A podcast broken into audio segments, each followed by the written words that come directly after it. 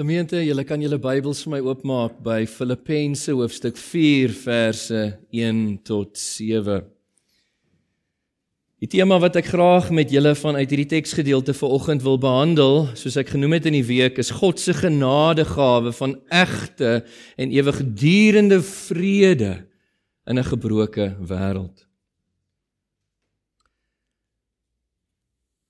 Gemeente volgens die Handelinge verhaal, spesifiek Handelinge hoofstuk 16, lees ons dat die apostel Paulus en sy medewerkers het tyd deurgebring in die stad van Filippi met sy tweede sendingreis.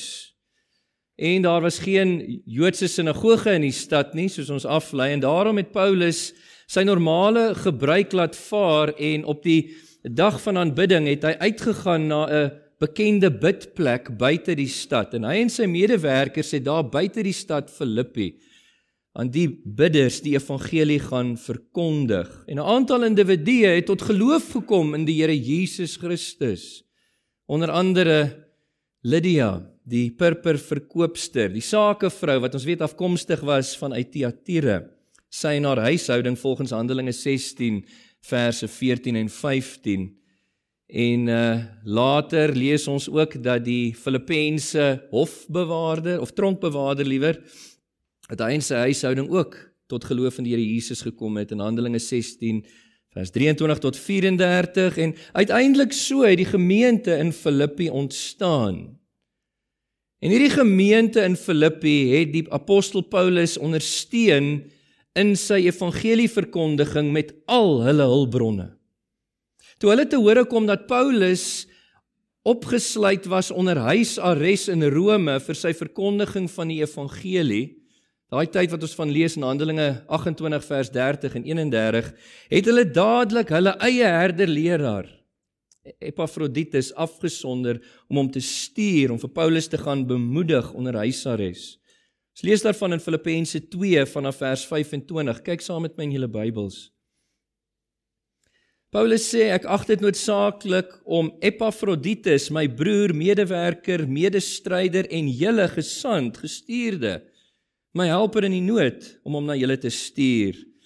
En dan beskryf hy hoe hy verlang het om dit te doen dat Epafroditus baie siek geword het daar by hom in Rome.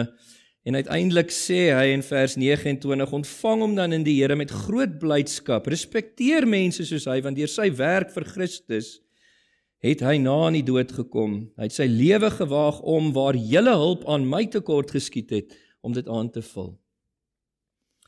En op, saam met Epafroditus het hierdie gemeente ook 'n finansiële offergawe na Paulus toe gestuur om sy tyd onder huisarrest bietjie meer gemaklik te maak. Kyk na Filippense 4 vers 18.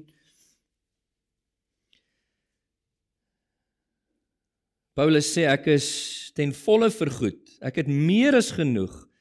Ek is ten volle versorg nou dat ek van Epafroditus ontvang het wat van julle afkom, naamlik 'n geurende offer, 'n aanneemlike offergawe wat God behaag. En kyk, dit was nie die eerste keer dat hierdie Filippense gemeente vir Paulus in sy bediening ondersteun het nie. Ons weet ten minste een keer toe hy in Korinte was, daai stad in Macedonië, En ten minste 2 maal in Tessalonika het hulle ook vir hom finansiëel ondersteun. Kyk gou na Filippense 4 vers 15 en 16. Paulus sê, julle weet ook Filippense dat aan die begin van my evangelieverkondiging, toe ek van Macedonië vertrek het, het geen gemeente tot my rekening van inkomste en uitgawes bygedra nie, behalwe slegs julle Ook in Tessalonika het julle meer as eenmaal iets vir my behoeftes gestuur. Besonders. Nou hierdie brief aan die Filippense gelowiges was om dankie te sê vir hulle finansiële ondersteuning van sy bediening, maar ook om in beurt weer vir hulle te help deur sy lering omtrent hoe om die Christelike lewe te leef. Die oorkoepelende tema van hierdie brief aan die eh, Filippense is uh hoe om die of dit is die praktiese uitlewing van die Christelike lewe en daarom lees ons in die eerste hoofstuk van Filippense Paulus wat 'n bemoediging aan hulle bied vir die Christelike lewe. In die tweede hoofstuk van Filippense bied hy aan hulle voorbeelde vir die Christelike lewe.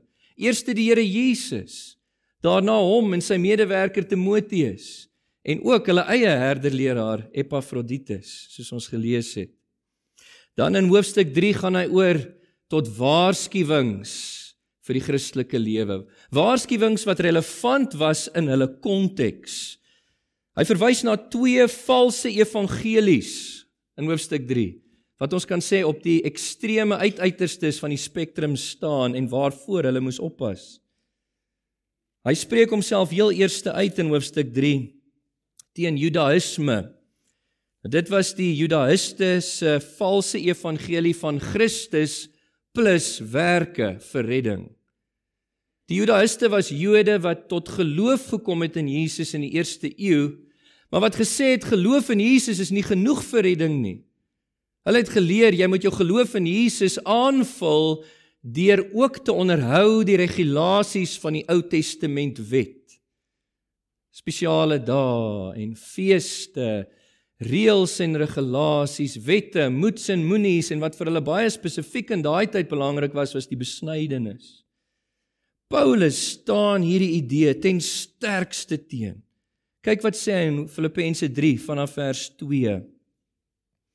Luister hoe sterk spreek hy hulle aan. Hy sê: "Waak teen die honde. Waak teen daai kwaadstokers, teen die afsnyding." Nou dis 'n bitsige en 'n herhalende verwysing na die besnydenis. Hy sê in vers 9 dat die Christen Paulus spesifiek in Christus bevind moet word nie met sy eie geregtigheid op grond van wetsonderhouding nie maar met die geregtigheid deur geloof alleen in Christus die regverdiging wat van God kom deur die geloof alleen, nie werke nie. So dit aan die een kant, dan aan die ander kant spreek hy homself ook sterk uit teen die antinomiërs. Nou ek noem hulle so want in die Griekse, in die Grieks is dit 'n 'n samevoege saamgevoegde woord van twee Griekse terme. Uh die term anti in die Grieks beteken teen of in die plek van en nomos in Grieks beteken wet.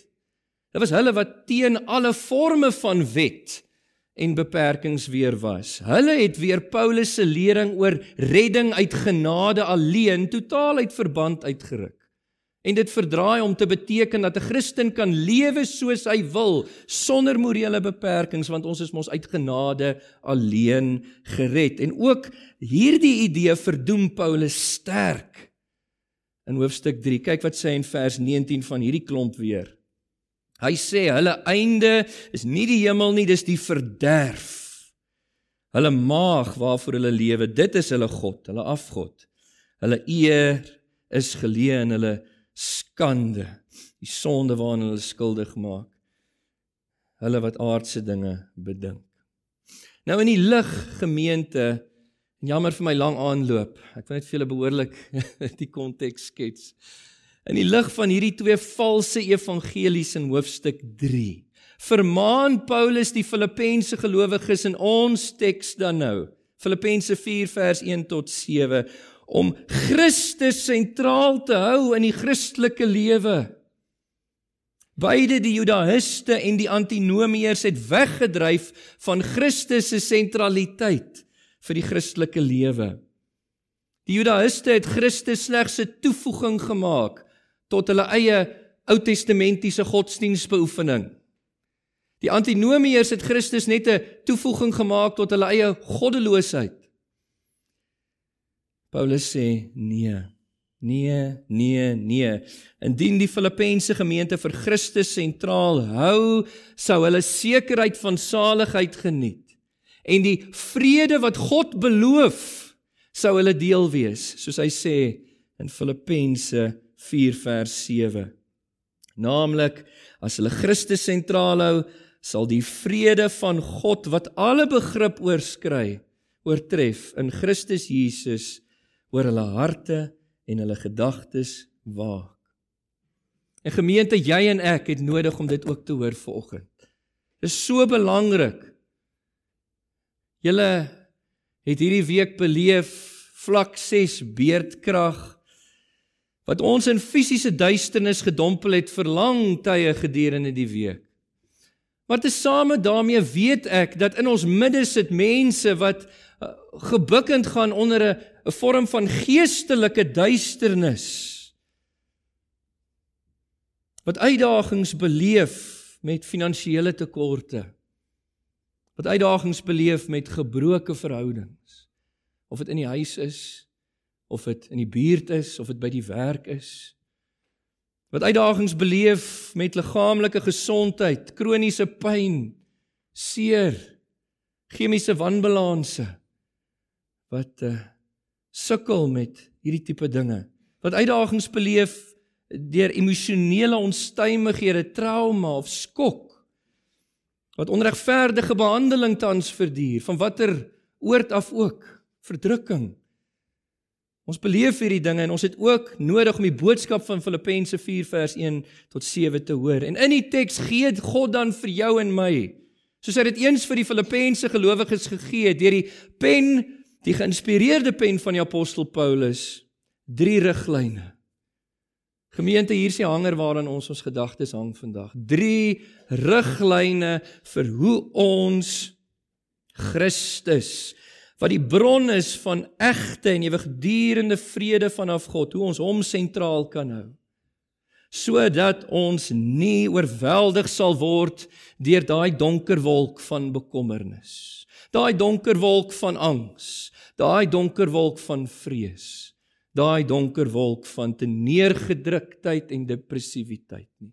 Maar eerder sodat ons kan beleef egte ewigdurende vrede vanaf God wat ons begrip sal oortref. Dat ons dit kan geniet na die innerlike mens ongeag ons vreugdelose eksterne omstandighede in hierdie gefalle wêreld. Gemeente, met dit in ons gedagtes, kom ek lees nou vir ons Filippense 4 vers 1 tot 7 en dan sal ek bid vir die Here se hulp. Die heilige, geïnspireerde, gesaghebende woord van die Here lees Filippense 4 vanaf vers 1 daarom my broers en susters julle vir wie ek lief is na wie ek verlang my vreugde en my kroon in die Here Geliefdes, staan dan so vas in die Here. Ek vermaan Jehodia en ek vermaan Sintigai om in die Here eensgesind te wees. Ja, ek vra jou ook, getroue medewerker, help hierdie vroue. Hulle het saam met my vir die saak van die evangelie gestry, ook saam met Clemens en my ander medewerkers wie se name in die boekrol van die lewe staan. Verbly julle altyd in die Here. Ek herhaal, verbly julle. Laat julle vriendelikheid aan alle mense bekend word. Die Here is naby. Moet oor niks besorg wie bekommerd wees nie. Jammer, moet oor niks bekommerd wees nie. Maar maak in alles julle versoeke deur gebed en smeking met danksegging aan God bekend. En die God van vrede wat alle begrip oortref, sal in Christus Jesus oor julle harte en gedagtes waak. Hy sluit vers 9 af deur te sê en die God van vrede, hy wat vrede gee, sal met julle wees. Net tot sover het die woord van die Here. Gemeente, kom ons sluit ons oë en bid vir die Here se hulp.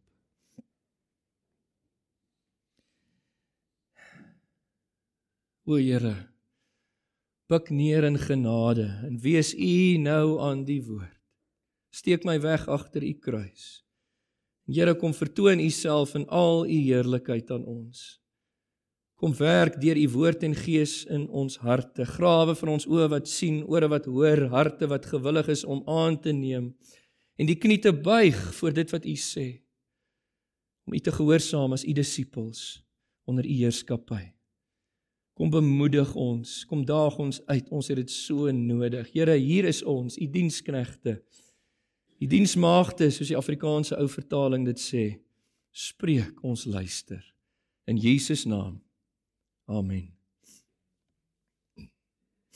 Gemeente, die heel eerste riglyn in ons teks is staan vas in Christus. Geliefdes, staan vas in Christus. Kom ek lees weer vir ons Filippense 4 vers 1 tot 3. Paulus sê daarom my broeders, my susters, julle vir wie ek lief is, na wie ek verlang, my vreugde en my kroon, geliefde staan dan so vas in die Here. Ek vermaan Jodia, ek vermaan Sintige om in die Here eensgesind te wees. Ja, ek vra jou ook, getroue medewerker, help hierdie vroue. Hulle het saam met my vir die saak van die evangelie gestry ook saam met Clemens en my ander medewerkers wie se name in die boekrol van die lewe staan. Paulus gebruik hier die Griekse term uh, steiko in die teks wat beteken om onbeweeglik geanker te bly op een plek, naamlik soos hy sê hier in die Here Jesus. Dit was Paulus en sy medewerkers wat vir hierdie gelowiges in Filippi aanvanklik die evangelie van redding uit genade alleen deur geloof alleen in die verlossingswerk van Jesus Christus alleen verkondig het. Hulle het hierdie Filippense gelowiges na die Here Jesus toe gelei deur geesbewerkte bekering en geloof. En dit is in hierdie Christus wat hy aan hulle verkondig het wat hy wou hê dat hulle moes vas staan. En dit sou beteken net vir hulle dat hulle nie sou afdraai agter valse evangelies ander Christusse aan nie die evangelies van die Judaïste of die antinomiërs nie. En kyk tot dusver lei ons af het hierdie gelowiges vasgestaan in die evangelie van Christus wat Paulus aan hulle verkondig het. En daarom spreek hy hulle aan met soveel teerheid. In vers 1. Ons sien Paulus se pastorale hart vir hierdie gelowiges in vers 1. Hy sê vir hulle: "Julle is my broers, my susters." Hy sê vir hulle: "Julle vir wie ek lief is, na wie ek verlang, julle wat my vreugde en my kroon in die Here is, julle wat vir my geliefdes is." En sy wens vir hulle was om aan te hou onbeweeglik in die Here Jesus Christus wat hy aan hulle verkondig het. En hierdie begeerte dat hulle sou vas staan in die Here Jesus, onbeweeglik Dis ook waarom hy dan vir Jehodia en Sintige op hierdie punt aanspreek en vermaan om eensgesind te wees in die Here in vers 2. Kyk ons lei af vanuit Paulus se skrywe dat hierdie twee vooraanstaande vroue in die gemeente was. Hulle was invloedryke vroue in die gemeente. En uh het groot uh, invloed gehad, prominensie gehad. In vers 3b sê Paulus van hulle hierdie twee vroue het saam met my vir die saak van die evangelie gestry. Ook saam met Clemens en my ander medewerkers wie se name in die boekrol van die lewe staan. Nou blykbaar het Jehodia en Sintige iewers langs die pad stry opgetel met mekaar. Ons weet nie waaroor nie want Paulus is stil daaroor. 'n Bietjie pastorale wysheid in sy brief dat hy dit nie noem nie. Maar hy vermaan wel hierdie twee vroue om vrede te maak met mekaar. Sodat hulle onmin nie voortgaan om die gemeente se vastigheid in Christus te ondermyn nie. Paulus vra ook vir hulle herder leraar hierso, Epafroditus, saam met wie Paulus hierdie brief dan nou terugstuur van Rome af na die gemeente toe en na wie hy verwys hier in die begin van vers 3 as sy getroue medewerker. Dink jy ou vertaling sê sy opregte metgesel. Dit was 'n herder leraar. Hy vermaan hom om tussen beide te tree en hierdie vroue deur sy dissipelering te help om vrede te maak. Met ander woorde, en hier's 'n belangrike les vir ons. Oneenigheid in die gemeente moet in kiemvorm gesmoor word. En dit is wat Epafroditus moes doen tussen hierdie twee vrouens wat soveel invloed in die gemeente gehad het dat hulle onmin nie die gemeente se vastigheid in Jesus en die evangelie sou ondermyn nie. Toe ek 'n jong seun was, was ek lief vir visvang. Ehm um, en uh kyk my oupa en my pa was eintlik die groot hengelaars. Hulle het by die see gehengel en as 'n kind as ons met vakansies Pearly Beach Hansbaai toe gegaan het, dan het ek saam met my oupa en my pa gaan visvang by die see. Maar omdat ek nie so ver kon ingooi soos hulle nie, het ek altyd 'n ent ingestap in die see in en op 'n stewige rots gaan sit en daar het ek ingegooi en dan was dit heerlik altyd om te sit op so 'n manier binne in God se skepping onder sy blou lig wag vir die vis om te byt en nooit in daai tyd terwyl ek rustig op die rots sit het die gedagte deur my kop gegaan dat hierdie rots gaan nou enige oomblik onder my wegsink en wegdryf nie. Van die begin van God se skepping af staan daai rots vas. Seestrome skuif hom nie. Winde skuif nie daardie rots nie. En net so moes die Filippense gelowiges, maar ook jy en ek vandag so moet ons vas staan in die suiwer evangelie van die Here Jesus Christus. Om in Christus 'n lewende jammer 'n intieme, 'n persoonlike verhouding met God te geniet. En as ons dit doen, sal ons sekerheid van saligheid hê en sal God se vrede op ons rus. Daai vrede wat hy sê alle verstand te bowe gaan. Dis die eerste riglyn.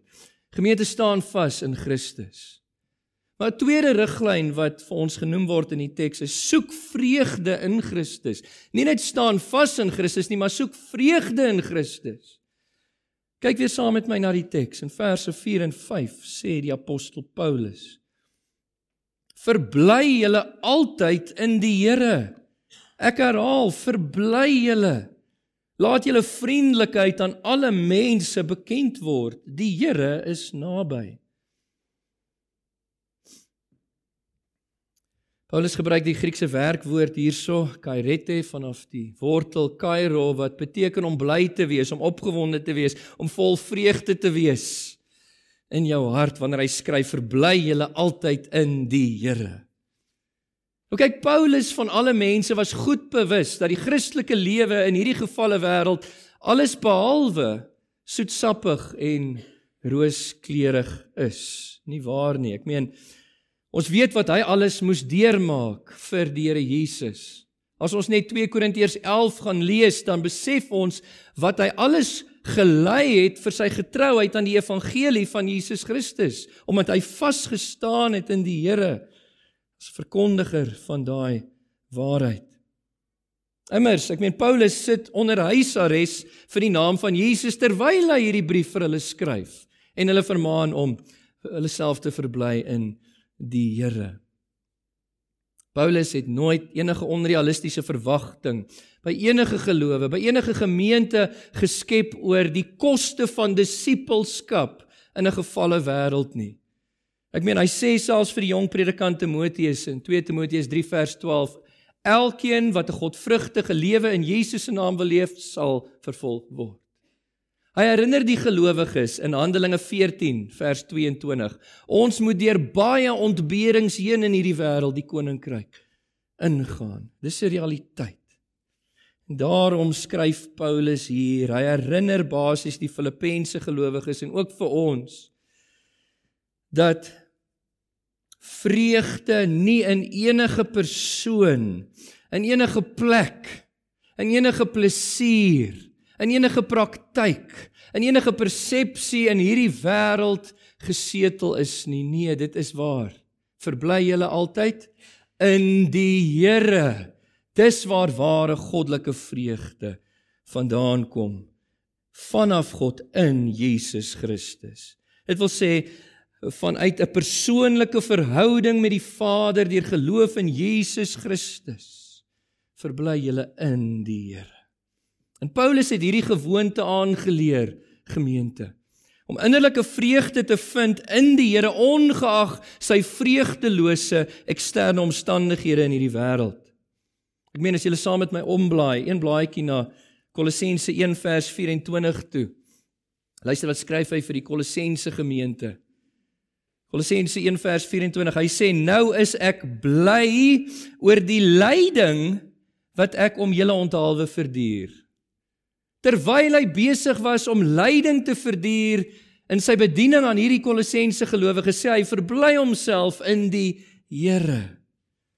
In 2 Korintiërs 6 vers 10 beskryf Paulus sy en sy medewerkers se omstandighede as bedroefdheid in hierdie wêreld. Maar hy sê ons is altyd blymoedig in die Here.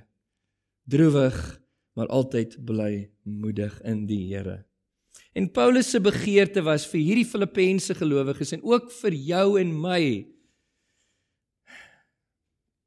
dat ons te alle tye, elke oomblik van elke dag, hoor my mooi, elke liewe oomblik van elke liewe dag van jou lewe, blymoedige gelowiges sal wees wat dieselfde gewoonte as hy aanleer om bly te wees in die Here. Daarom skryf hy verbly julle altyd in die Here. Altyd, nie net soms nie, nie net as dit goed gaan nie. Gemeente, maar altyd in die Here. Dis tog waartoe die Here Jesus ons geroep het, waarvoor hy ons gered het. Nie waar nie. Hy sê dit self in Johannes 15 vers 11. Hy sê: "Hierdie dinge het ek aan julle gesê sodat my blydskap wat hy in verhouding met die Vader gehad het, dat dit in julle kan wees en dat julle blydskap altyd volkome kan wees." Dis God se begeerte vir ons gemeente om ons te verbly in die Here. Hierdie saak van blydskap is vir die Here of vir Paulus so belangrik en vir die Here by uitstek ook so belangrik dat Paulus dit herhaal in die teks. Soos ek vir julle al gesê het, wat beteken herhaling? Beteken beklemtoning van 'n waarheid. Daar's uitroeptekens in my Bybel selfs. Ek is seker in julle sin ook. Verbly julle altyd in die Here. Ek herhaal vir bly Here. En hierdie is ook nie die eerste keer wat hy hulle opgeroep het tot blydskap in die Here nie, né? Blaai gou een bladsytjie terug weer saam met my. Na Filippense 3 vers 1. Daar het hy weer vir dieselfde ding gesê. Verder my broers, my susters, wees bly in die Here. Om hierdie selfde dinge aan julle te skryf is nie vir my moeite nie, aan julle gee dit vastigheid. Dit is belangrik vir Paulus, dit is belangrik vir die Here. En is vir Paulus ook belangrik dat hierdie innerlike vreugde in die Here van die gelowige na buitentoe gesien moet kan word deur ongelowige buitestanders. Daarom sê hy vir hulle in vers 5 se begin hierso dat hulle vriendelik moet wees met alle mense. Vriendelikheid na buite is die uitvloeisel, dis die manifestering van vreugde in die innerlike mens. Kyk, buitestanders gaan nie jou vreugde kan sien met die oë nie, né?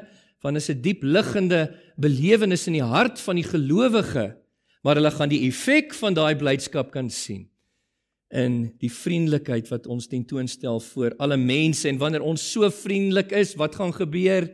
En dis wat Paulus in gedagte het hierso.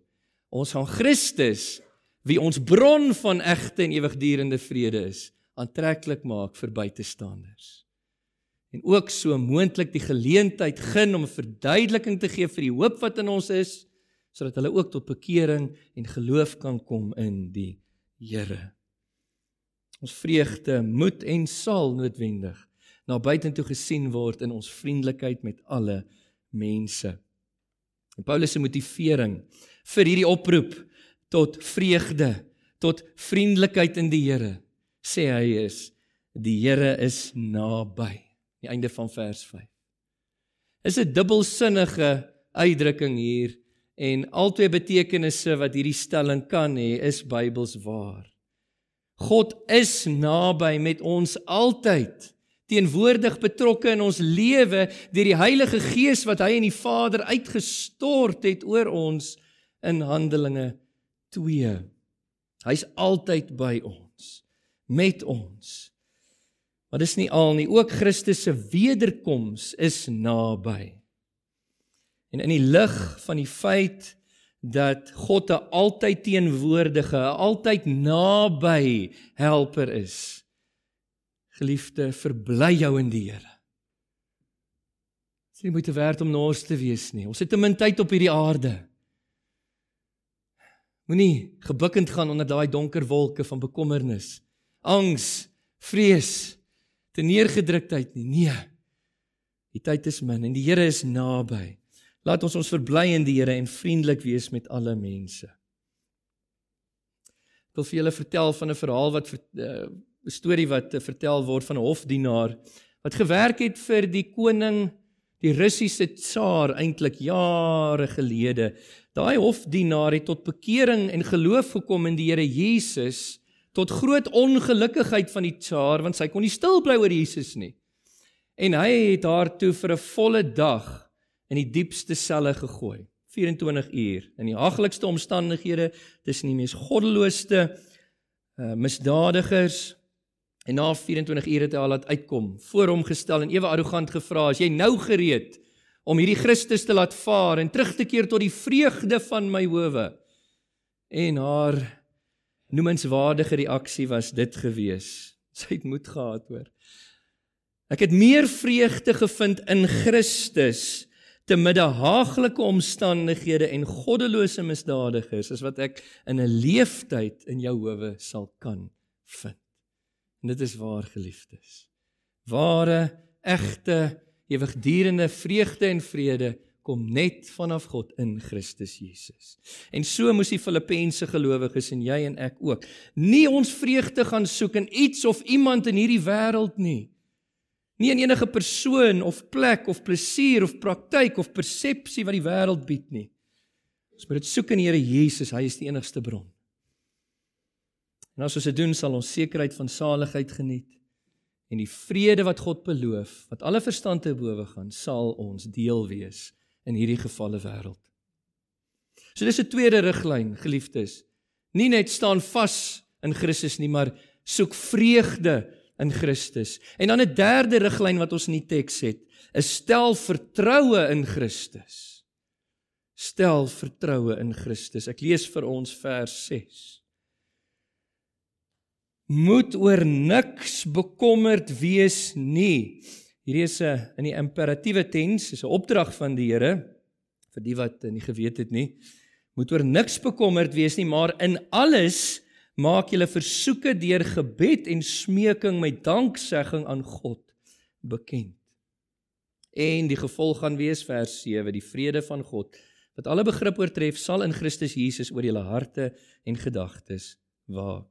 Nou hierdie opdrag aan die Filippense gelowiges, sowel as aan ons om nie bekommerd te wees nie, beteken nie dat ons nie besorgd moet wees nie. Dit beteken nie dat ons sorgeloos moet wees nie. Kyk, Paulus self was baie besorgd geweest oor hierdie Filippense gelowiges. Kyk na Filippense 2 vers 20. Hy skryf vir hulle: Ek het geen ander geesgenoot. Hy praat van Timoteus wat um hom opreg oor julle omstandighede sal bekommer per implikasie soos ek nie. Hy was besorgd. Hy het sorg gedra vir die gemeente. Hy sê immers in 2 Korintiërs 11 vers 28 saam met al hierdie dinge my daaglikse besorgdheid oor al die kerke. Paulus skryf nie vir hulle om onbesorgd te wees nie, maar as ek dit so kan uitdruk, onbekommerd, want hulle het 'n liefdevolle en verantwoordelike Vader in die hemele wat oor hulle en oor ons sorg dra meen ons leer dit uit die skrifte uit Psalm 55 vers 23 wat Petrus aanhaal in 1 Petrus 5 vers 7. Hy sê werp, gooi al julle bekommernisse op hom. Hoekom? Want hy sorg vir julle. Dis 'n feit. Dit sê die woord vir ons. Ons het 'n Vader, daarom moet ons nie bekommerd wees nie. Die verskil tussen besorgdheid en bekommernis kan ek dalk so uitdruk. Om besorg te wees is 'n natuurlike uitvloeisel, die vrug van opregte naaste liefde. Kyk as ek my vrou, my kinders, julle medegelowiges, die kerk van die Here liefhet, gaan ek mos besorg te wees oor julle en vir julle bid.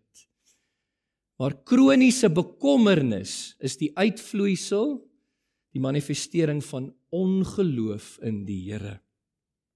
Daar is 'n verskil.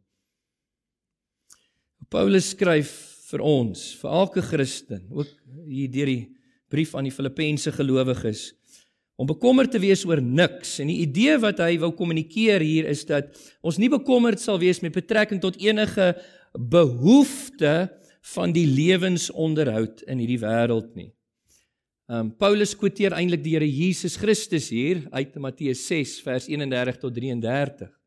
Jesus het gesê moet julle nie bekommer oor wat julle sal eet of drink of aantrek nie. Oor al hierdie goeders is die ongelowiges begaan. Hulle skarrel agter die goeders rond.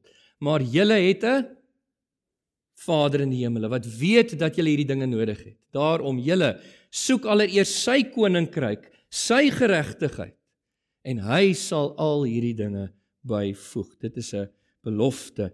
Jesus in daai verse praat basies van 'n kopverskywing of 'n fokusverskywing liewer. Dat die Christen nie konstant sy fokus op jou uitdagings in hierdie wêreld sal hou nie, maar dat jy dit sal hou op God wat ons groot voorsiener is in Christus.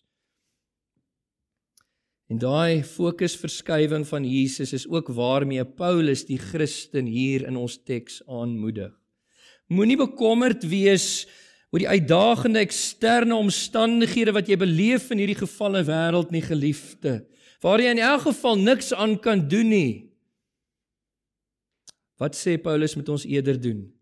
Vers 6b, hy sê maar maak in alles julle versoeke aan God bekend deur gebed. Paulus leer vir ons 'n krities belangrike les hierso. As jy konstant jouself gaan blind staar teen jou uitdagings in hierdie wêreld, gaan jy vir die vyand baie ruimte gee om konstant vir jou te versoek deur jou omstandighede tot bekommernis.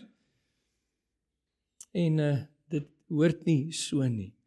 Dis Satan se strategie want hy weet 'n vreugtelose Christen wat deur bekommernis van hulle vreugde gesteel is, is 'n oneffektiewe getuie vir Jesus in hierdie wêreld. 'n Oneffektiewe getuie. Moet ek dit weer sê? Ek is seker julle het my gehoor. In plaas van dat die Christen homself oorgee aan bekommernis, moet ons leer om in geloof onsself oor te gee aan God in Christus deur gebed, soos vers 6b vir ons sê. En let op wat die Christen deur gebed aan God bekend moet maak. Hulle versoeke. Hulle versoeke, dis belangrik dat ek dit uitlig want Paulus is nie besig om hier God eh, te skilder as 'n tipe van 'n genie in 'n bottel wat maar net reg staan om toe te staan elke vleeslike begeerte en hartelus van die gelowige nie nee. Na daai nuwe golfstokke. Na daai nuwe sportmotor. Né? Dit sou teenstrydig wees met wat die apostel Jakobus, die eerste eeuse gelowiges mee oor die vingerstuk in Jakobus 4 vers 3. Hy sê vir hulle julle het nie omdat julle nie bid nie.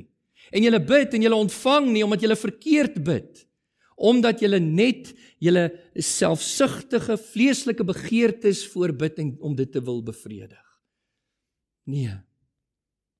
Paulus leer dat die Christen die spesifieke behoeftes wat voortkom vanuit jou uitdagende eksterne omstandighede in hierdie wêreld dat jy dit alles na hom toe kan neem. Elkeen van daai versoeke met groot vrymoedigheid deur gebed.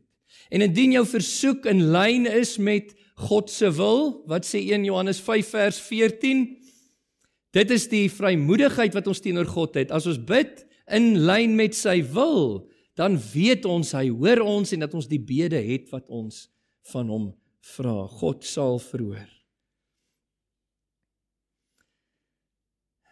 En hy praat ook hier, so ek wil net hieraan ook raak oor die gepaste ingesteldheid waarmee ons ons vertroue in God moet stel. Hy sê ons gebed met smeking en met danksegging Met ander woorde, vanuit 'n behoorlike besef dat jy as skepsel na die verhewe allerhoogste Skepper toe kom. Ons kan nie met arrogansie en met hoogmoedige bevele na die Here toe gaan soos diegene in die uh, health wealth and prosperity beweging, die word faith movement, die name it and claim it bewegings, dis arrogansie. Ons kom met nederige smeking en danksegging na die Here toe met ons gebede. En uh, hierdie nederige ingesteldheid erken ook dat alle gawes wat na die skepsel toe kom, kom vanaf die Vader, soos Jakobus 1 vers 17 sê. Die tweede Christelike boek wat ek gehad het as 'n jong Christen. Ek dink ek was 12 jaar oud gewees. Um miskien klein bietjie jonger was George Mueller se outobiografie. Die boek het my aangegryp. Dit gaan oor George Mueller wie 'n predikant was in Europa en uh, die Here het op sy hart gelê om drie weeshuise te begin in die geloof vir hawelose kinders. Dis alles in die geloof gedoen. En op 'n dag vertel die outobiografie dat sy werkers het na hom toe gekom en gesê daar is geen kos, daar is geen bronne nie, die kinders is honger, wat moet ons doen? En George Mueller, omdat hy 'n vaste vertroue in die Here gehad het, 'n vaste vertroue dat die Here hom gelei het om daai weeshuise te begin, het vir hulle gesê laat die kinders aansit vir ontbyt. En hy toe gaan bid. En uh hy die Here herinner aan sy beloftes. En die Here met smeking genader, maar ook met danksegging soos die teks sê vir God se onderneming as 'n getroue God, 'n liefdevolle Vader wat verantwoordelikheid neem. Ag en sy woorde was klaar was nog eers koud op sy lippe nie toe sy haar klop aan die deur. En uh toe het die Here veroorsaak dat 'n uh, trok breek, broodtrok buite een van die weeshuise en um jy weet dit is 'n wonderlike wyse hoe die Here voorsien het. Hierdie mense het kom sê, weet jy, ons moet wag vir die motorwerktuigkundige om die trok te kom regmaak, die brood gaan sleg word. Ons skenk dit vir die weeshuis en so die Here voorsien. Dit is nou 'n werkende, wonderwerkende bo-natuurlike manier waarop die Here voorsien. Maar is dit nie kosbaar nie, né? Dit herinner ons, die Here is getrou en dat ons vertroue in hom kan stel. Net so. Maar daai selfe geloof wat George Mueller gehad het, Ons hierdie Filippense gelowiges en ook jy en ek geliefde, nie onsself oorgee aan bekommernis in die uitdagende omstandighede van hierdie gefalle wêreld nie. Ons moet eerder onsself oorgee aan God, ons vertroue in Hom stel in Christus, Hom nader in gebed en smeking met danksegging. Wanneer ons dit doen, geliefdes, in elke situasie sal ons sekerheid van saligheid geniet en ook die beloofde vrede wat van God afkom. Ek wil vandag se boodskap afsluit net deur te sê geliefde dit is God se wil dat ons sent Christus sentraal hou in ons lewens. En hierdie drie riglyne is steeds van toepassing op ons lewens vandag soos dit was in die eerste eeu. Ons hou Christus sentraal deur elke dag vas te staan in Christus om nie af te wyk van die suiwer evangelie van Jesus waardeur ons God as Vader leer ken het nie. Ons hou Jesus sentraal deur elke dag vreugde te soek in hom. In 'n persoonlike, intieme, lewende verhouding met God in Christus in ons omstandighede. En ons hou Christus sentraal ook elke dag deur vertroue te stel in hom. Om oor niks bekommerd te wees nie, maar in alles ons versoeke aan God bekend te maak. As ons dit doen gemeente, dan sal soos Filippense 4 vers 7 vir ons sê die vrede van God wat alle begrip oorskry in Christus oor ons harte en gedagtes waak. En soos hy sê in Filippense 4 vers 9, die God van vrede sal met ons wees. Mag die Here ons help en mag dit ons elkeen se belewenis wees in hierdie dae. Amen. Here baie dankie vir u woord. Ag Here, ons besef so ons hulp nodig het. Pik neer in genade na ons toe as 'n gemeente, maar ook as individuele gelowiges in ons omstandighede en help ons, Here, om vas te staan in Jesus. Om vreugde te soek in Jesus. Om vertroue te stel in Jesus. En Here dat U dan sal onderneem in die groot en in die klein van ons lewens in alles wat ons beleef in hierdie gefalle wêreld. En ten spyte, Here, van ons eksterne omstandighede wat so dikwels vreugdeloos is, dat ons die innerlike hartsvreugde van U sal saamdra met ons, wat sal vertoon in vriendelikheid vir die wêreld. Here, ons het daai hoop. Kom en mag U, Here, toenemend vir ons hierdie vrede as ons deel gee in Christus. Vandag en in die week wat kom. Hierdie dinge bid ons in Jesus naam. Amen.